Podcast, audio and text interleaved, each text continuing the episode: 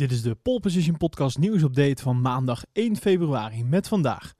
Pierre Gasly is positief getest op het coronavirus. Wayne Taylor Racing Acura wint de 24 uur van Daytona. Pietro Fittipaldi die wint de virtuele Grand Prix van Oostenrijk. En de Grand Prix van Australië zet in op een race met fans. En een nieuwe rubriek aan het einde van deze aflevering genaamd Formule 1 terug in de tijd.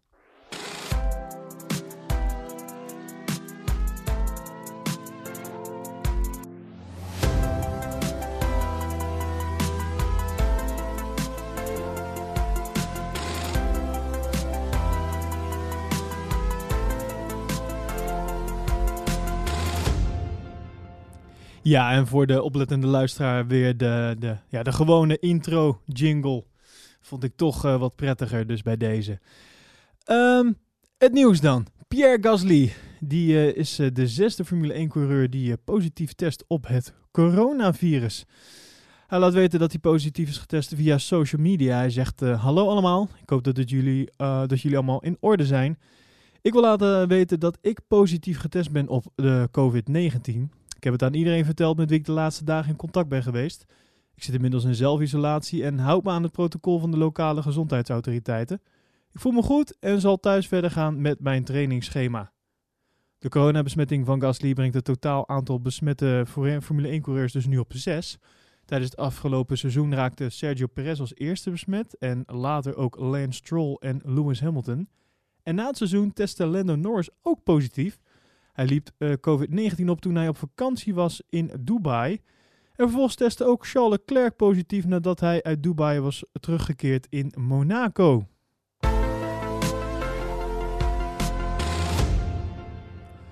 Wayne Taylor Racing die wint de 24 uur van Daytona.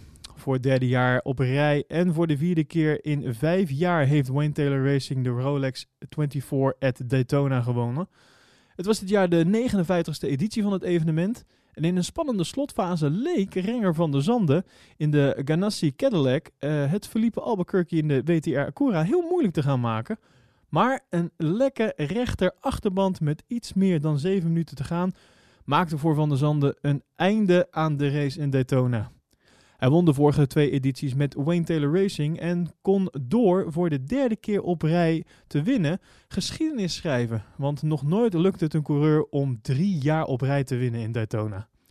Met nog twee uur te gaan leken de overwinningskansen van het team van Van der Zanden, waar onder andere ook Kevin Magnussen en Scott Dixon uh, deel van uitmaken, ja, al in rook op te gaan toen de linker achterband lek ging.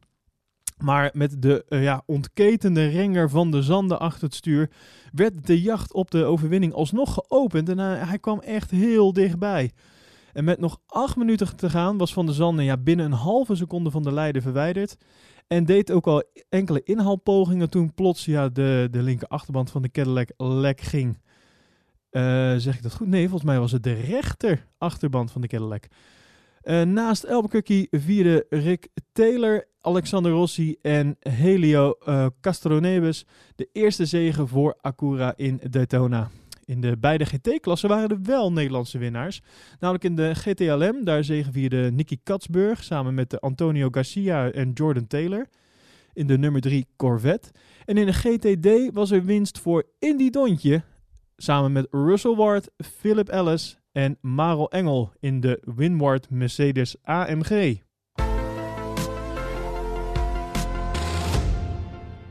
Ja, er werd nog meer geraced afgelopen weekend, namelijk de virtuele Grand Prix van Oostenrijk. Want na het succes van de Virtual Grand Prix in 2020, toen de F1 de races organiseerde op momenten dat er ja, eigenlijk echte races hadden moeten plaatsvinden, keert het concept deze winter uh, terug voor drie races. De races uh, werden vorig jaar in totaal door 30 miljoen mensen bekeken. Ja, en dat was voor de Formule 1 reden genoeg om de Virtual Grand Prix dus ook in 2021 terug te laten keren. Vanaf afgelopen zondag 31 januari eh, worden er drie weken op rij een race georganiseerd. En dat gebeurt met een ander format dan afgelopen winter. Uh, de coureurs uit de F1 Esports Pro Series die zullen eerst een sprintrace van vijf ronden afwerken om de startopstelling te bepalen voor de hoofdrace. En in die hoofdrace uh, hoopt de F1 uh, zowel huidige als voormalige coureurs, topsporters en andere beroemdheden aan de start te krijgen. De lengte van de hoofdraces is 50% van een officiële F1 race. Ja, en wat valt er dan te winnen? Ja, in die race strijden de teams dus om een prijzenpot en die zij aan een goed doel mogen schenken. Ja, aan de start van de eerste race op de Red Bull Ring hadden twee van de huidige F1-coureurs uh, moeten verschijnen, namelijk George Russell en uh, Nicolas Latifi. Maar George Russell die liet de race uiteindelijk nog aan zich voorbij gaan. Latifi was er wel bij. Uh, en ook voormalig, ja, dit is natuurlijk heel gek, dit klinkt heel gek, maar voormalig Formule 1-rijder Alexander Albon. Stoffel van Doren, Anthony Davidson, Pietro Fittipaldi en Vitantonio Liuzzi. Fittipaldi won namens Haas de eerste Virtual Grand Prix van 2021, ondanks een tijdstraf van 3 seconden. Leclerc die werd uiteindelijk derde, doordat hij 9 strafseconden had, waardoor Stoffel van Doorn tweede werd.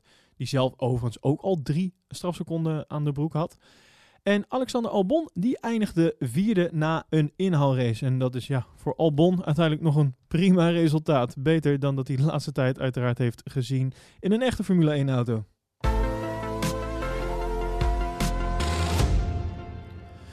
De organisatie van de Grand Prix in Australië die, die zet in op een race met fans. Ja, de seizoensopener ging in 2020 op het laatste moment niet door. Toen de fans zich eigenlijk al hadden verzameld voor die eerste vrije training, werden zij op het laatste moment weggestuurd en werd het weekend geannuleerd.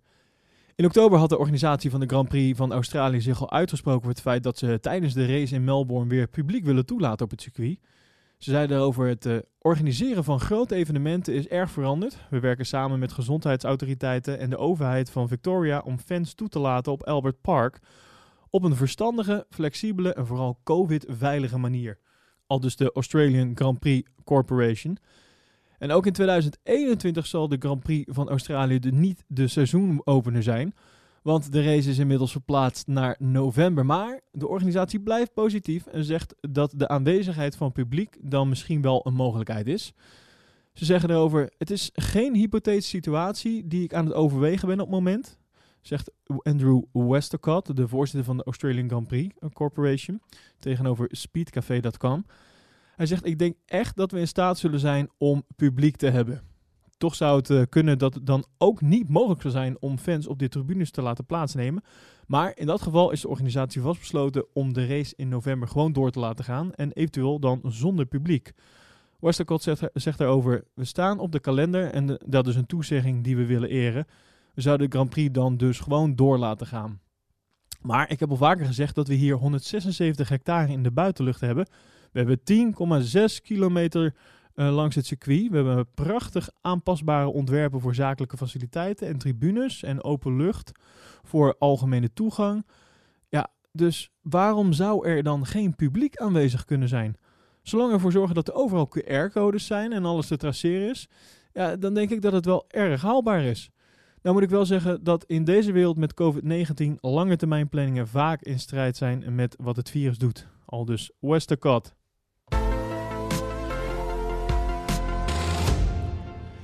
En tot slot een, nieuwe rubriek, namelijk uh, Formule 1 terug in de tijd. Ja, zo af en toe duiken we even in de geschiedenisboeken om op zoek te gaan naar wat leuke feitjes, weetjes uh, uit de geschiedenis van de Formule 1. En vandaag is het ja, twee jaar geleden, namelijk op 1 februari 2019, dat Sauber bekend maakte dat ze voortaan uit zouden komen onder de naam Alfa Romeo. Ja, en daarmee keerde een ja, best wel roemruchte naam terug in de Formule 1. Want in 1950 en 1951 was Alfa Romeo dominant in het wereldkampioenschap. In de jaren 60 en 70 leverde Alfa Romeo motoren aan teams als Cooper en De Tomaso en Brabham. Tussen 1979 en 1985 was het Italiaanse merk weer actief met een eigen team. Maar dat was afgezien van enkele podiumplaatsen geen groot succes. En nu is Alfa Romeo dus sinds twee jaar weer terug. En het team is nog steeds in Zwitserland gevestigd. En de motoren zijn van, ja, zoals bekend, het zusterbedrijf Ferrari. Ja, en vind je dit soort uh, feitjes en weetjes nou leuk? Kijk dan zeker even op ons Instagram-account, polepositionnl. En vergeet je dan ook niet te abonneren op deze podcast via jouw favoriete podcast-app om op de hoogte te blijven van het laatste nieuws over de Formule 1. En vind je deze updates nou leuk en wil je ons financieel steunen? Kijk dan even op petje.af slash poleposition voor alle mogelijkheden en leuke bonussen.